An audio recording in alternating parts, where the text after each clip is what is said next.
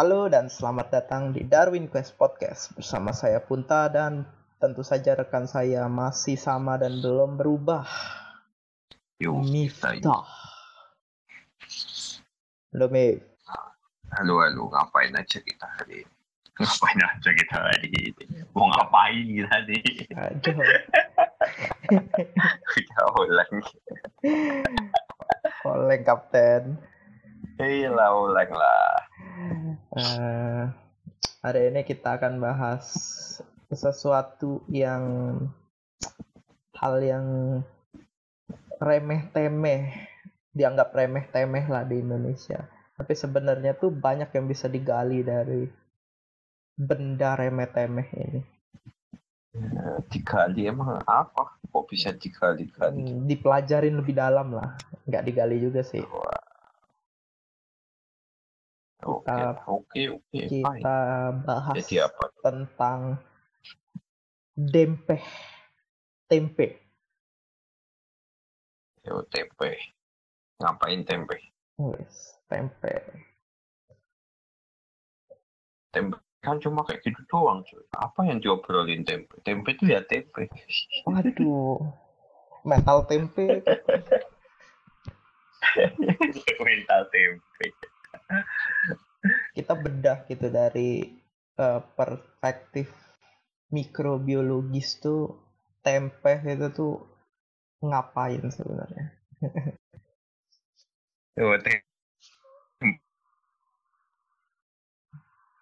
Tempe. ngapain emang tempenya yang ngapain Se- sebenarnya kalau yang disebut tempe itu apa dulu cuy kedelainya kah apakah satu paket sejamur-jamurnya itu namanya tempe Hmm, ya sepaket sama jamur-jamurnya itu, Mif. Itu tempe. sama daun-daunnya juga enggak Ya, ya. ya, kalau, se- kalau sama, sama daun-daunnya sekarang ada tempe plastikan Ya, ya. Bisa juga sih. Ya, ya tempe itu eh, tradisional, makanan tradisional dari Jawa ya. Ya Indonesia punya itu Emang Jawa di mana lagi nih? Yo, kan nggak tahu Jawa zaman dulu segede apa Waduh. Konspirasi deh.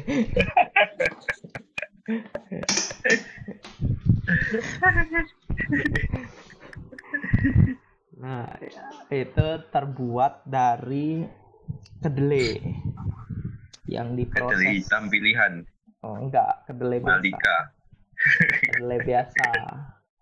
Kedelai biasa. Glisin Max. mau glisin pak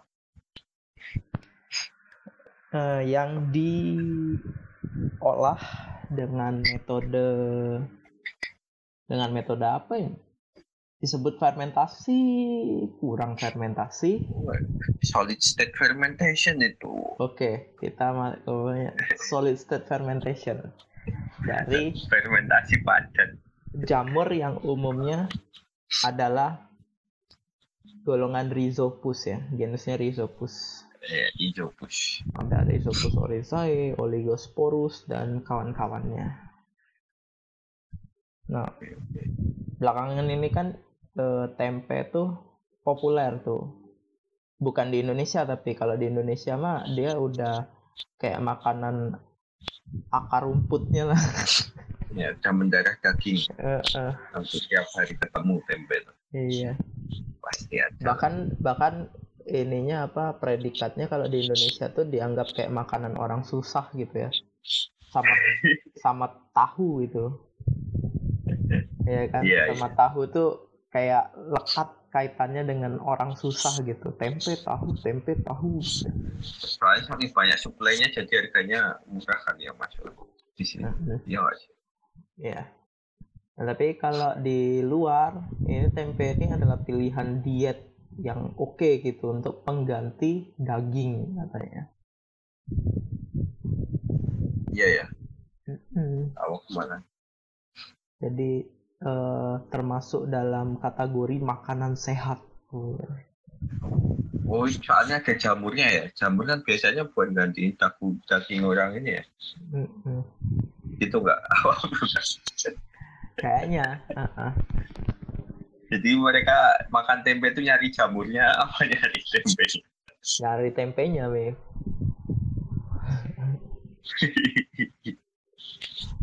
Nah, karena tadi kita bahas solid state fermentation dari tempe, kita eh, ini dulu lah, bedah dulu kayak mana cara pembuatan tempe.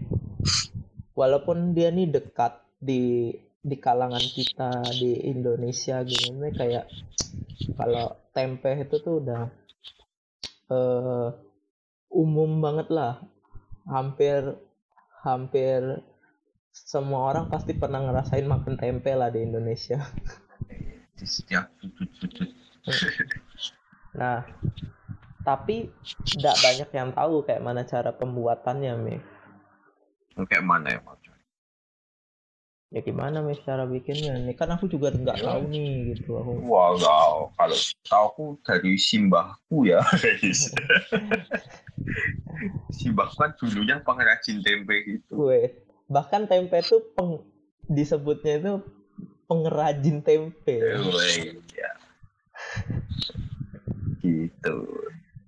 Nah, simbahku sih ini cuma Heeh. Halo. ada itu kan di semacam di apa ya di steam ya halo halo Hmm, masuk sih masuk masuk. halo Ya. Ya di di steam nggak sih namanya itu? Di steam pakai itu ya, cuci steam itu ya. enggak juga. Kayak di ini di apa ini istilahnya itu cuy? Di apa? Di semacam pe- penggerebusan direbus gitulah. Di terus di di iya kan? Di dipanasin ya, gitu. di tanah lah ya. ya di tanah terus di ini diinjek-injek gitu biar hilang hilang kulit arinya Hmm. Me- metodenya kalau zaman-zaman bahala kayaknya kayak gitu deh diinjek-injek gitu kayaknya itu yang yang menimbulkan cita rasa yang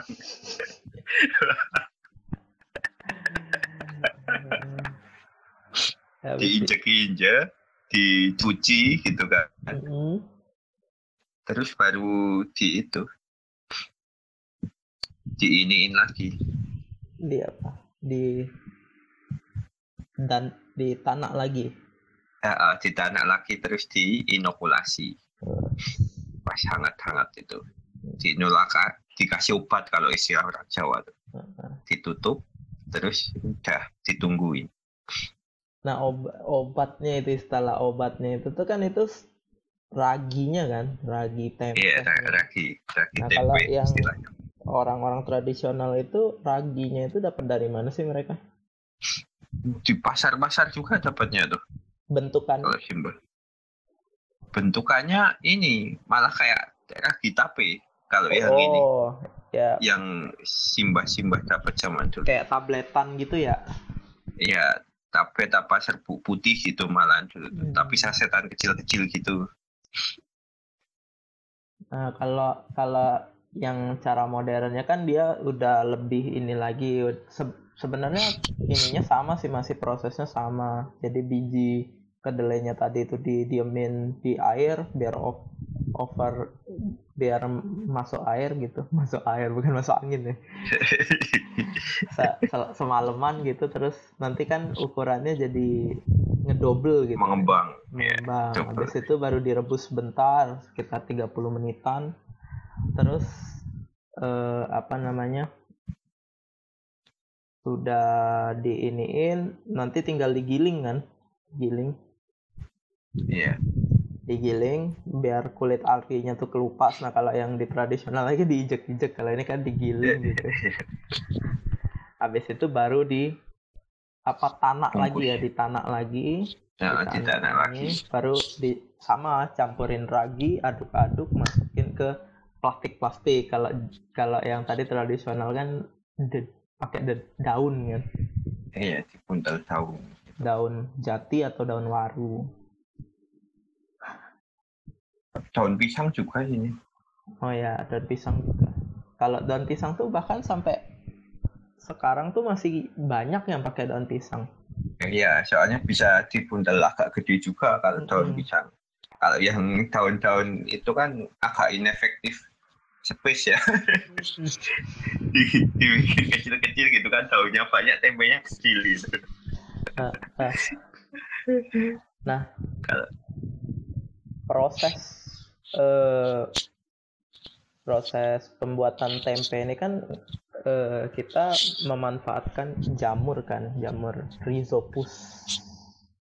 Yang umumnya ya yang sekarang udah diisolasi banyak itu rhizopus gitu ya udah dimurnikan. Ya. Itu kan kita mengambil bagian yang kita gunakan supaya biar dia jadi tempe itu kan bagian miselianya si jamur ini kan sebenarnya. Iya, coy. Yang merekatkan kedelai-kedelai menjadi satu. Jadi secara tidak langsung kita tuh makan kedelai dan tubuh jamurnya kan. Ya tapi kan belum belum bentuk fruiting body itu, coy. Cuma misalnya aja. Itu Emang dia bakal bisa bentuk fruiting body? enggak, enggak. tapi kan istilahnya bukan tubuh ya apa? Apa bagi? Iya tubuh dong ya, badannya Iya dong. tubuh ya. Iya. Iya. Hifa. Jaring-jaring jamu. kan Hifa, hifa. micelia. micelia. Ya, bagian putihnya itu adalah micelia. Nah, buat yang enggak kayak kita udah pernah bahas belum sih masalah micelia, hifa, spora. Kayaknya udah pernah deh. Dulu waktu ini persebaran ini cara jamur nyebarin dirinya di ini Serangga ya. pato itu Nah, nah. ya mirip-mirip kan. Nah, Jadi umumnya, kita goreng jamu secara nggak langsung ya kalau goreng tempe. umumnya pembuatan tempe ini nggak lama kan cuma makan waktu 3 sampai 5 hari kan. Iya. Itu yang untuk tempe yang eh yang di pasaran biasa kan. Tapi kan kadang ada yang orang yang suka over-over gitu kan. Yang sudah sampai dia tempenya berspora, Eh, bergas bahkan bergas bahkan. tempe bosok namanya. tempe bosok namanya.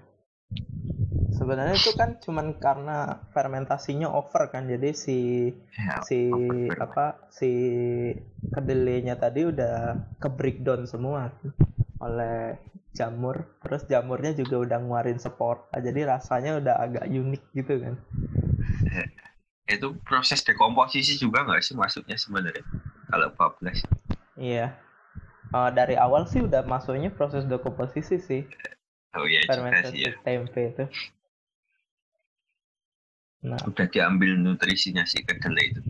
Soalnya di, di proses apa fermentasi itu kan nggak ada penambahan gula sama sekali tuh nggak ada semua ini ya semua ini dari kedelai ya. Ah, ah, dari kedelai. Si si pertumbuhan jamur jadi pindah biomasa gitu kan ya ah, istilah. converting biomasa ya dari biomasa si kedelai tadi ke biomasa si jamurnya.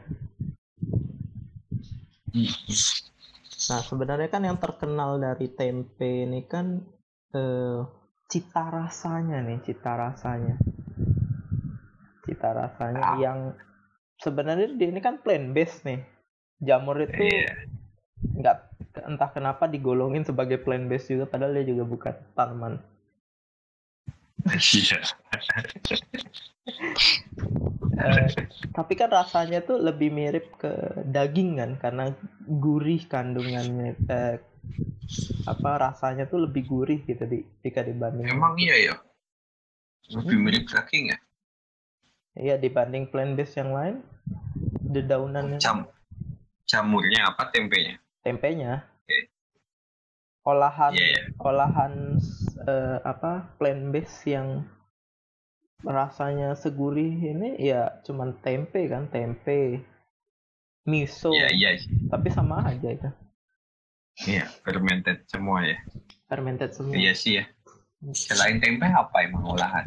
Ya masih kayak sayur gitu kan ya. Mm-mm. Plant based itu. Nah, ini kan kenapa sebenarnya kan ada pening eh, orang itu suka tempe itu zaman dahulu tuh suka tempe itu kan karena dia ada peningkatan rasa. Nah, peningkatan rasa ini kan terjadi akibat eh, si jamur ini kan dia melakukan metabolisme yaitu nge-breakdown protein-protein yang ada di protein-protein kandungan kedelai tadi ke asam amino yang lebih sederhana kan makanya di situ muncul Iya. Gurih gitu dari glutamat Iya, dan yang lain-lain muncul micin ya. Mm-mm. Iya. Itu kalau yang udah sampai jadi tempe bosok itu ini loh. Bahkan kita mengurangi bumbu aja bisa gitu. iya Sama.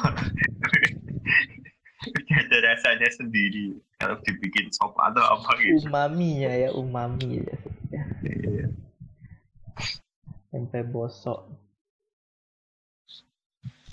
eh sebenarnya ada nggak sih perbedaan yang signifikan antara tempe yang dibungkus daun pisang sama yang dibungkus plastik untuk soal rasa ya nih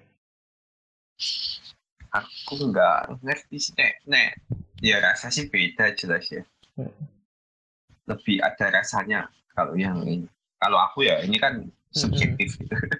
Nggak tahu kalau yang lain. Yang jelas aroma beda udah.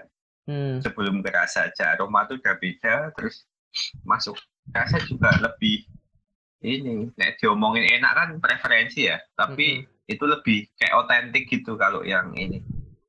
Yang berbungkus daun. karena juga ada ya penambahan aroma yang sedap juga sih dari daun pisang Iya. So- soalnya kalau yang tempe plastik itu biasanya orang ini dibumbuin ya. tempe-tempean tempe plastik Iya. Maksudnya pengolahannya biasanya masih pakai bumbu juga gitu kan. hmm. Di, digoreng tepung gitu misalkan kan ya. Nah. Tapi kalau yang tempe itu jarang. pas kita fermentasi tempe ini kan timbul panas nih kan sebenarnya Ya gitu. timbul panas kan sebenarnya nah eh, sebenarnya panas ini tuh juga berfungsi untuk membuat si tempe ini jadi lebih awet kan karena yang tubuh cuman si rhizopusnya itu doang kan Iya. Walaupun dia terus terus terus berkembang dia juga. Mm-mm. ya cuman si Tapi- rhiz- menghambat yang lain untuk tumbuh juga kan karena suhunya jadi tinggi gitu kan Iya. Tapi ngomong-ngomong yang beda daun sama plastik tadi, Mm-mm. itu cuy itu juga ininya loh apa kalau yang sendiri-sendiri ya bukan yang daun pisang tebel itu Mm-mm. kalau yang dibungkus sendiri-sendiri itu hifanya lebih tebel bahkan sampai menyelimuti si tempenya itu Hmm, Hi- ya. hifa as- apa aspergillus rhizopusnya Kalau aspergillus harus dibuang nih.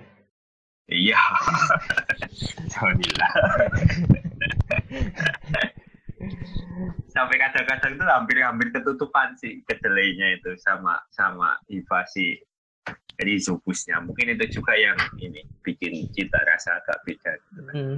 Tapi juga ini mungkin itu juga mungkin karena eh, untuk eh, ke- kecukupan oksigen juga kan kalau dia aerasinya dibungkus beda. aerasinya kan beda. Kalau dia dibungkus plastik kan otomatis dia ke trapping kayak gitu kan. Bi- walaupun biasanya plastiknya juga dibolong-bolongin. Tapi kan lebih lebih susah untuk oksigen pertukarannya dibanding dengan daun pisang gitu. Apalagi yang dibungkus satu-satuan itu. Karena kan dia jadi eh, ininya tuh wadahnya tuh kecil gitu kan. Jadi dia cuman tumbuh di hampir semua bagian itu langsung berkontak dengan udara kan. Iya. Makanya Hmm. bisa menyelimuti hifanya Heeh. ya, bi- ya, untuk informasi sih pertumbuhan jamur itu sangat berpengaruh pada kecukupan oksigen.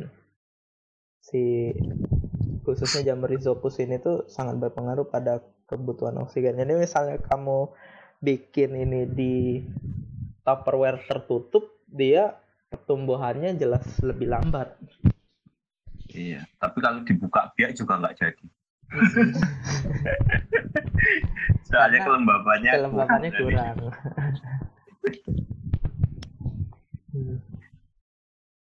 Soalnya kalau itu istilah orang-orang Jawa gitu kan kalau apa di tengah proses fermentasi itu nggak boleh gitu, dibuka gitu. Mm-mm. Nanti nanti nggak jadi gitu. Nanti nggak jadi. Kalau dibuka. Nah, sebenarnya ada yang unik dari fermentasi tempe nih. Apa cuy? Kalau secara tradisional, fermentasi tempe ini kan dilakukan di bisa dikatakan dengan ruangan yang tidak proper untuk produksi aseptis gitu. Iya. Sangat Ya, tidak proper sama sekali. Nggak aseptis Sangat sama tidak aseptis. Tapi uniknya pembuatan tempe ini tuh ini eh, bisa dilakukan di ruangan-ruangan kayak gitu. iya. Dan rate keberhasilannya cukup tinggi ya. Cukup tinggi. Apalagi yang yang apa? Udah pro-pro gitu. Mm-mm. Udah pro. Ya apa ya. Nah kan ini ini kan nggak lepas dari sebenarnya teknik yang tidak disadarin gitu kan. Siapa tuh? Teknik Tanpa sadar. iya tanpa sadar dia dia membuat eh, apa namanya kontaminan di di ruangan yang tidak proper itu hilang gitu. Nggak hilang sih. Menciut lah jumlahnya. Karena udah didominasi sama sporanya si Rhizopus tadi kan. Iya. Ya Jadi- kalau berkali-kali bikin tempe ya udah ke mana-mana itu mas. Kan unik tuh Eh, jarang loh ada yang pengrajin tempe itu beneran di tempat yang proper gitu kalau yang secara tradisional beda yang sama yang pabrikan kan kalau pabrikan kan udah ya beda lah Iya. Itu bentuknya juga beda tempe. Makanya kalau tradisional namanya pengrajin tempe ya. Enggak ya? bisa juga sih tapi ada juga kan eh, kamu pernah ngerasain gak sih kalau tempe-tempe yang dibuat secara tradisional itu rasanya itu jauh lebih kaya gitu flavornya tuh jauh lebih kaya Ya emang itu tadi kan yang aku bilang lebih lebih otentik gitu. lebih Itu otentik sih. Ya ada apa ya? Soalnya lebih lebih hambar kalau yang ini, yang yang diproduksi dengan plastik apa industrial maksudnya ya. industrial. Sama-sama sama-sama pakai daun eh, apa namanya pisang aja. Yang dibikin secara tradisional sama yang skala industri gede itu rasanya lebih lebih kaya yang secara tradisional. Aku nggak tahu sih itu. ya Nggak nggak memperhatikan ini bikinan industri apa tradisional gitu kalau yang dibungkus daun pisang. Hmm. Soalnya kalau kalau yang dibungkus satu-satu itu emang kelihatan banget. kalau ya itu kan kalau di tradisional tuh kita juga tahu kamu tahu usar nggak sih usar Iya tahu. besar yang putih-putih di daun ini enggak daun jati ya eh waru Iya, apa jati sih jati. jati kan? Nah eh, ada hipotesis tuh kenapa yang secara tradisional itu lebih kaya rasanya? Karena dia nggak cuman single single apa single starter kan mix dia mix starter. Kalau yang industrial yang sudah skala industri gitu kan dia pakainya kan single starter tuh. Starternya udah udah pasti tuh Rhizopus origosporus satu atau Rhizopus oryzae doang gitu. Sedangkan kalau yang di secara tradisional banget itu kan dia banyak tuh. Ada Rhizopus oryzae ada Rhizopus oligosporus bahkan kadang ada si apa namanya ada yeast di situ. Trico, Iya. ada juga mucor di situ. Ada juga bakteri asam laktat di situ. Makanya kaya banget gitu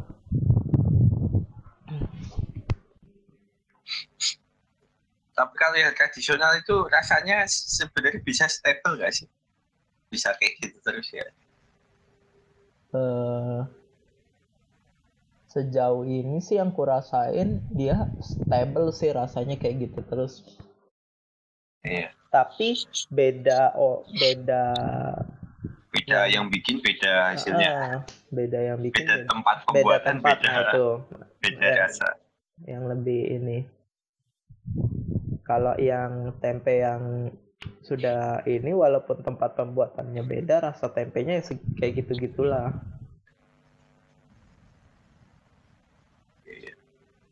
kalau dari segi ini kalau yang sekarang kan ngomong kesehatan tadi gitu kan hmm. dari segi manfaat ada bedanya nggak sih antara itu tempe yang kaya akan panjang sama yang single gitu ya kalau secara kesehatan sih lebih jelas lebih kita lebih aman mengkonsumsi yang single.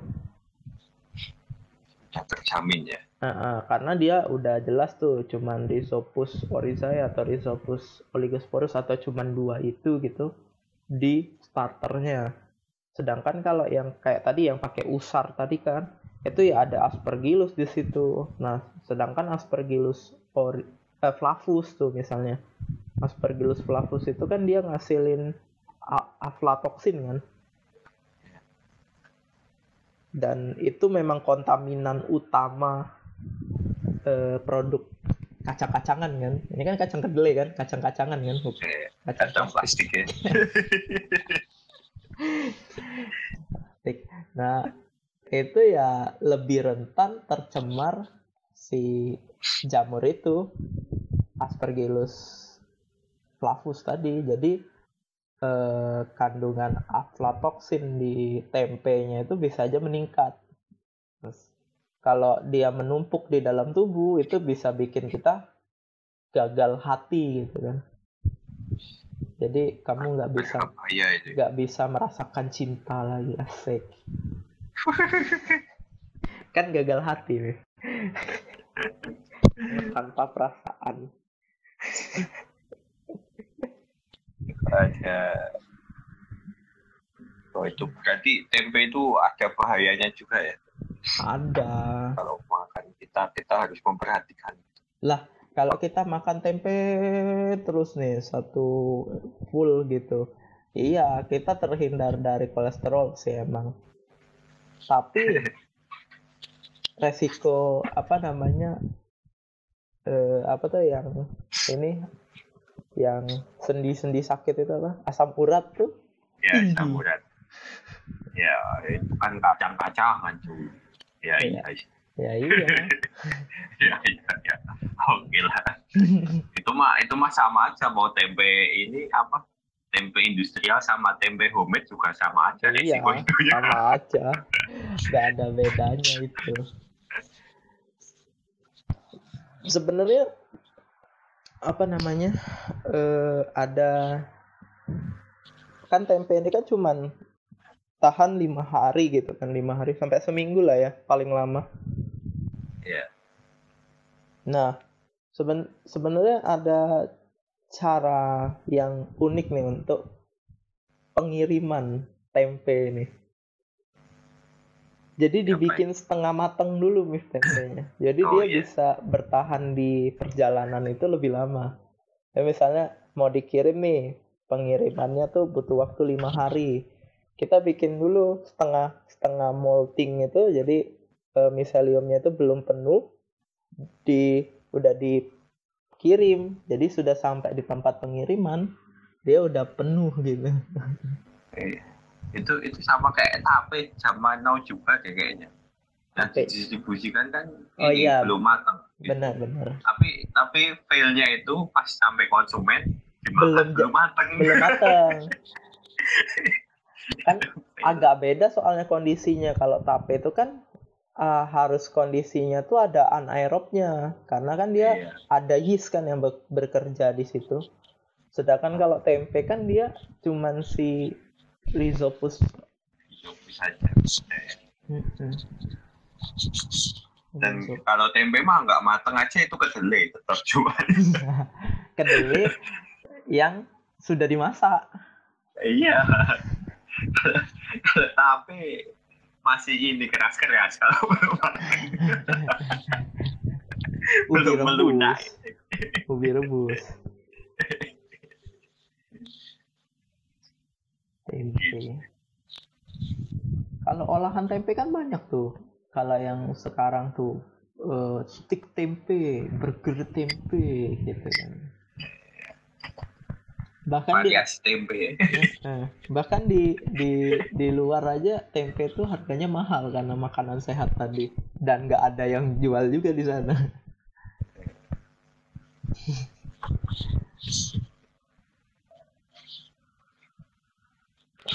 Tapi susah diekspor itu kayaknya kalau tempenya. Kenapa? Yaitu lifetime-nya Iya ya. gimana? Ada yang bikin kit kit kit pertempean gitu nggak sih kalau di luar nggak ada? ya? Ada. Ada Ada. ya? Aku pernah tahu di Kanada. Di Kanada tuh ada jual kit tempe gitu. Iya, dijual kit mungkin bisa, tapi kalau dijual dikirim-kirim jauh susah. Di frozen bisa nggak sih tempe tuh? Wih, frozen tempe. Ya kalau kalau di luar mungkin masih worth ya, kalau di sini di frozen nggak worth tempe itu. Malah nggak frozennya ketimbang tempe. Iya. Iya. Nah, kadang kan tempe itu kan kalau kita eh, buka tempe nih, kamu pernah perhatiin nggak? Tempe itu ada sering muncul item-item ya loh. Ya, Nah, itu tuh apa sih? Kacangnya emang hitam? Atau iya, kontang? kedelainya kan nggak nggak tahu aku. Aku Emang kadang-kadang ada sebagian hitam gitu. Iya kan, ada be- beberapa kadang tuh setitik dua titik lah, lama-lama menjadi tweety. menjadi tweeting. Tapi tapi ini cuy, tempe bosok itu sebagian hitam juga. Hmm, tapi kan beda hitamnya dia agak keabu-abuan kalau tempe bosok tuh. Iya, iya. Kalau tempe bosok itu kan karena dia ini si si si rhizopusnya itu udah ngespor dan udah ada miselium yang mati juga. Makanya Jadinya miselium bosok itu. Heeh. Tapi bukannya sekarang udah ini ya be- di beberapa pasar itu nggak boleh jual tempe bosok lagi ya? Nggak tahu tuh. Iya, kayaknya regulasi yang melarangnya. ada regulasi yang Pernah ada kasus kok. Tem makan tempe bosok terus jadi bosok. terus jadi ini apa keracunan makanan. Oh. Gitu ya. Padahal aku senang tuh makan tempe. Sekulit-kulit ya. Oh, enggak lah. terus, terus sekarang ini cuy, kan banyak variasi tempe tuh kayak mana itu menurut cuy? Ada tempe Indomie yang keren.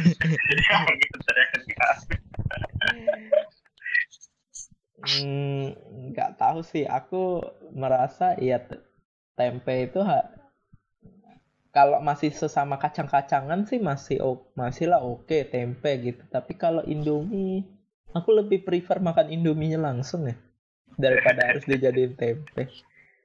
Ya, nanti kan bisa jadi Indomie goreng beneran, jadi tempe terus digoreng. Bukan Indomie goreng yang direbus jadi. Masuk sih, masuk akal. Itu itu ininya yang diproduksi tetap sama aja kah kalau yang itu bahannya Indomie itu kan? Sama. Eh, tapi mungkin breakdown amino acidnya beda kali ya. Iya beda. Tep, eh, mungkin rasanya nggak segurih kalau nge-breakdown dari kacang-kacangan kan. Kalau kacang-kacangan kan memang proteinnya kan tinggi Iya. banget tuh. Iya protein tinggi. Kalau itu kan cuma karbohidrat ya. Si- Cuman si- tepung doang kan. Eh tepung doang sih itu. apalagi itu ada yang pernah iseng-iseng bikin tempe nasi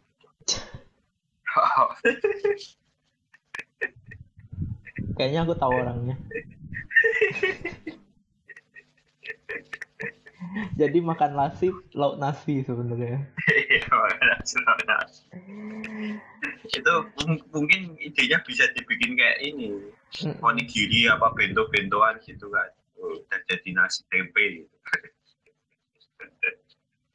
Iya, uh, sebenarnya fermentasi dari dari tempe. Ini kan dia tuh sebenarnya kan uh, nge-breakdown protein, selain itu juga jadi nyediain vitamin gak sih dari si si apa si jamurnya tadi?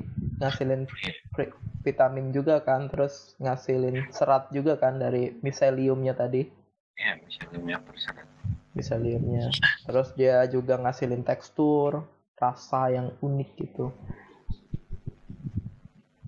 Nah ada juga ini uh, temennya tempe Mif temennya tempe. Temennya tempe tapi dia mungkin dari ras lain kan? Kalau tempe kan putih. Nah ini oranye. Kalau tadi da, tadi dari Jawa ini dari Jawa juga. Jawa yang bukan Jawa. Tapi Jawa Barat, Sunda. Namanya oncom.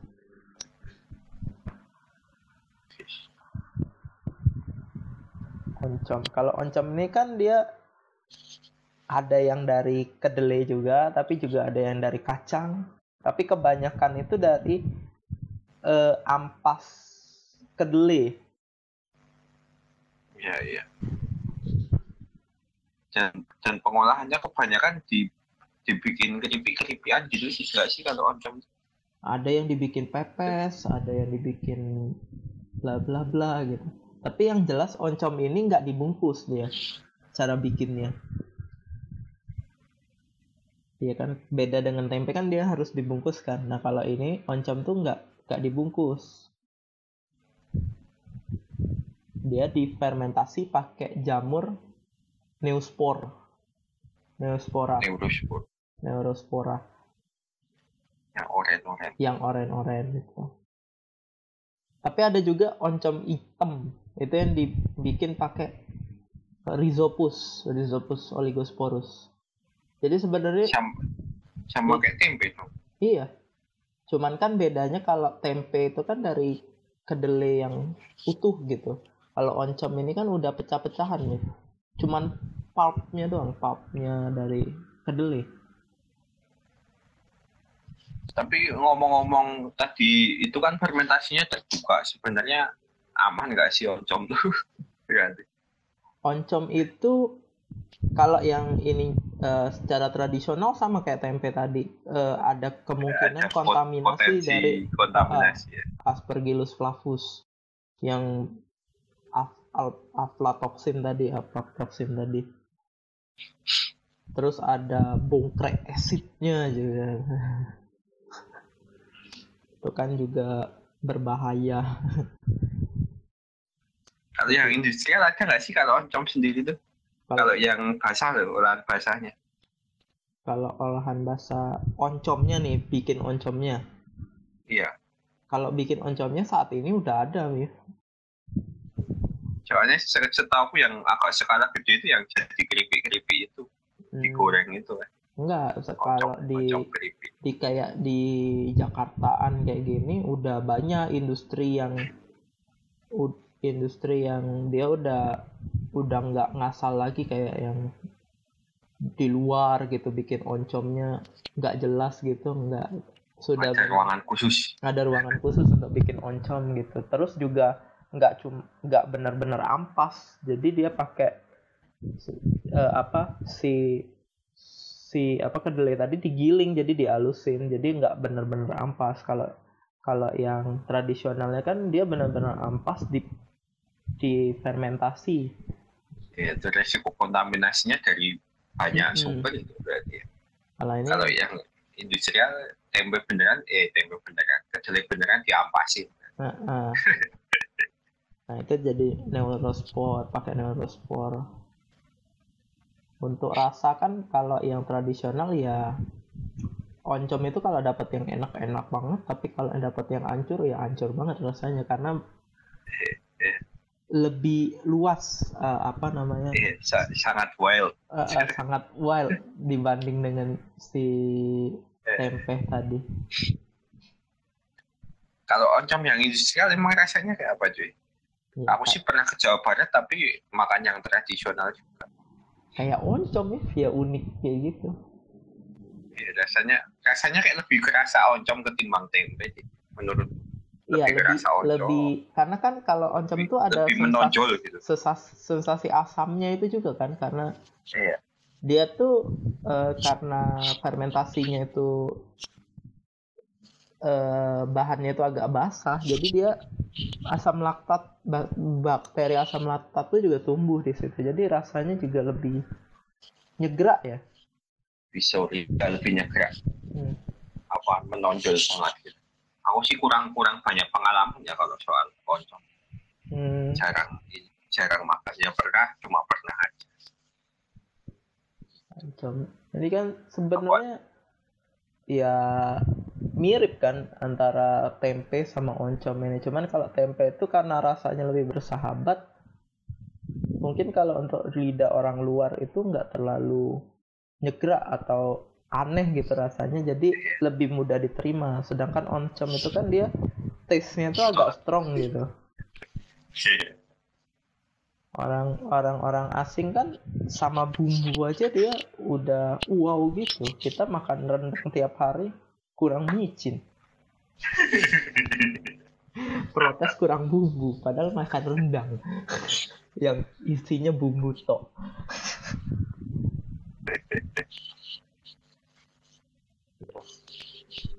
Ada beda sih. Kalau mekanik ininya apa manfaatnya juga sama aja ya? Tempe sama oncom itu. Sama aja sih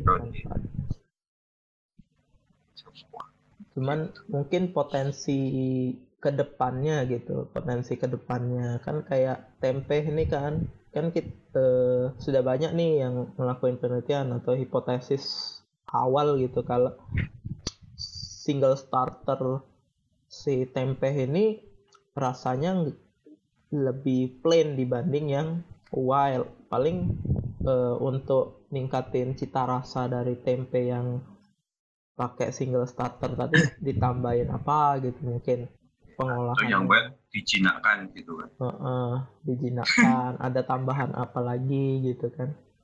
Soalnya ada nih beberapa beberapa apa namanya penelitian dia berhasil ningkatin eh, kualitas rasa dari tempe tadi dengan penambahan ini apa bakteri asam laktat.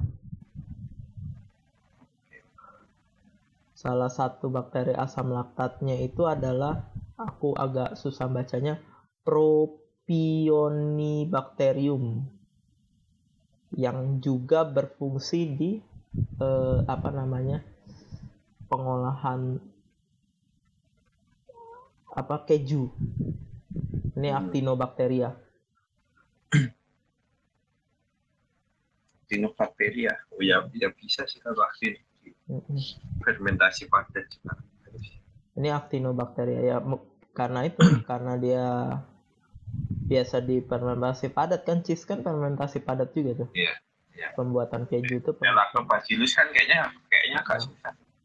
Nah ini dia pakai propionibacterium. Dia ut- berhasil ningkatin rasanya jadi lebih eh, ada rasa yang berbeda. Weh rasa yang dulu tidak pernah ada aja rasa yang pernah ada di well tempe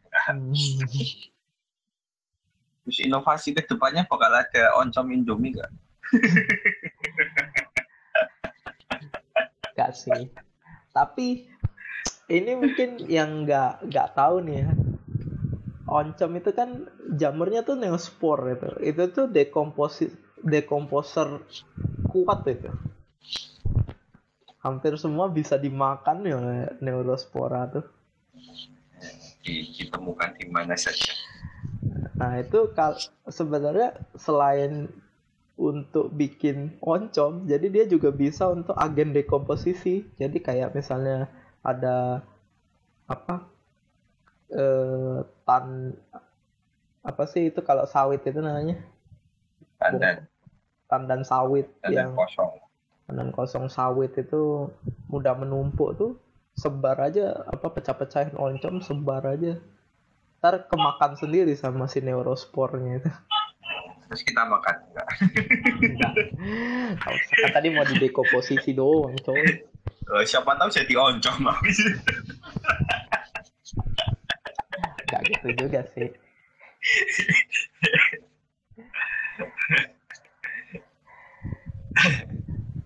Ya itu sih kalau oncom kalau tempe.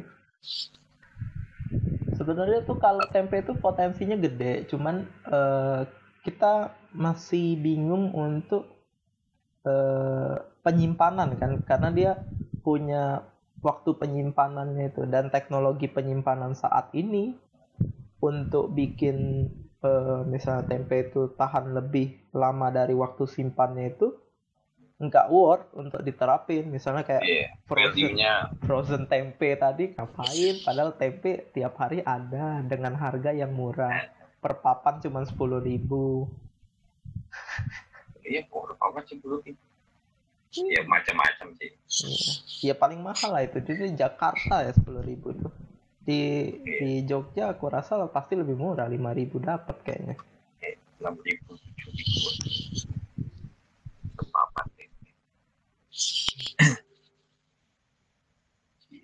Itu sih. Cuy? ya kalaupun ngekspor gitu tempe harus udah dalam bentuk olahan ya misalnya keripik tempe Iya. wis. Ya kayak itu yang dan oncom itu kan keripik oncom kan ke mana-mana. Iya keripik tempe gitu kan. Kitela tuh ada yang tempe iya ki tempe. Ada aja ki tempe. Soalnya tempe itu juga bagus untuk orang-orang yang vegetarian vegan gitu kan. Yang lagi booming boomingnya tuh di negara-negara maju. Pola hidup sehat gitu kan. Ngomong-ngomong tadi kan menunjukkan cita rasa gitu. Mm-mm. kalau bikin bumbu dari produksi tempe gitu bisa nggak? bisa-bisa aja tapi kayaknya kurang efektif gitu Eh, kurang ya produksinya kurang ya Mm-mm. ini produksinya kurang mungkin ya bisa sih ya kita Kayak- semacam miso gitu kan bisa jadi itu kan Heeh. Tapi kan miso juga nggak dibikin dalam waktu yang singkat nih. Dia udah Iya. berapa kali perputaran unsur di situ, perputaran daur siklus itu udah berapa kali sampai dia jadi miso ini. siapa tahu tempe juga bisa kayak gitu gitu Hmm, siapa tahu bisa sih. Paling kita tinggal riset lebih dalam aja, terus dipelajarin ininya, terus kita punya misi. ya mimpi. Apa? Kan kalau- tempe Misi mas gitu. ya misi. Oke lah.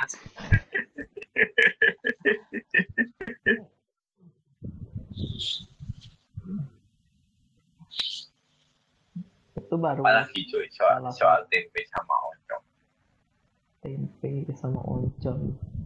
konspirasinya ada nggak? Konspirasi siapa tahu kan tempe, tempe itu beneran dari Indonesia bu gitu kan Bis. wes. Itu bukan produk KW dari Cina gitu. Wes. Tapi pernah diklaim itu diklaim Jepang ya kalau nggak salah. Iya ya Heeh. pernah itu zaman kapan itu tempe itu mau diklaim bukan asli Indonesia dari Jepang atau dari mana gitu. Lupa. Ada sih ken- kendala itu ya. Kita kan Iya. Siapa tahu kedelainya aja impor loh. Nah. Jangan-jangan impor. Kalau itu aku tahu ada konspirasinya ini. Eh, kedelai kan rata-rata sebagian besar kedelai kita tuh stoknya dari luar kan, impor kan. Iya, Gitu. impor. Dan itu GMO. Nah, ada beberapa Iya. komunitas di Indonesia yang nganggap kalau kita bikin tempe dari kedelai itu, itu tempenya namanya tempe GMO. Wow. Dan tempenya itu tidak sehat lagi karena bisa menyebabkan kanker. Bukan asal konspirasinya. Itu bukan konspirasi sih, itu lebih tepatnya nggak usah dipikirkan lagi itu apa itu?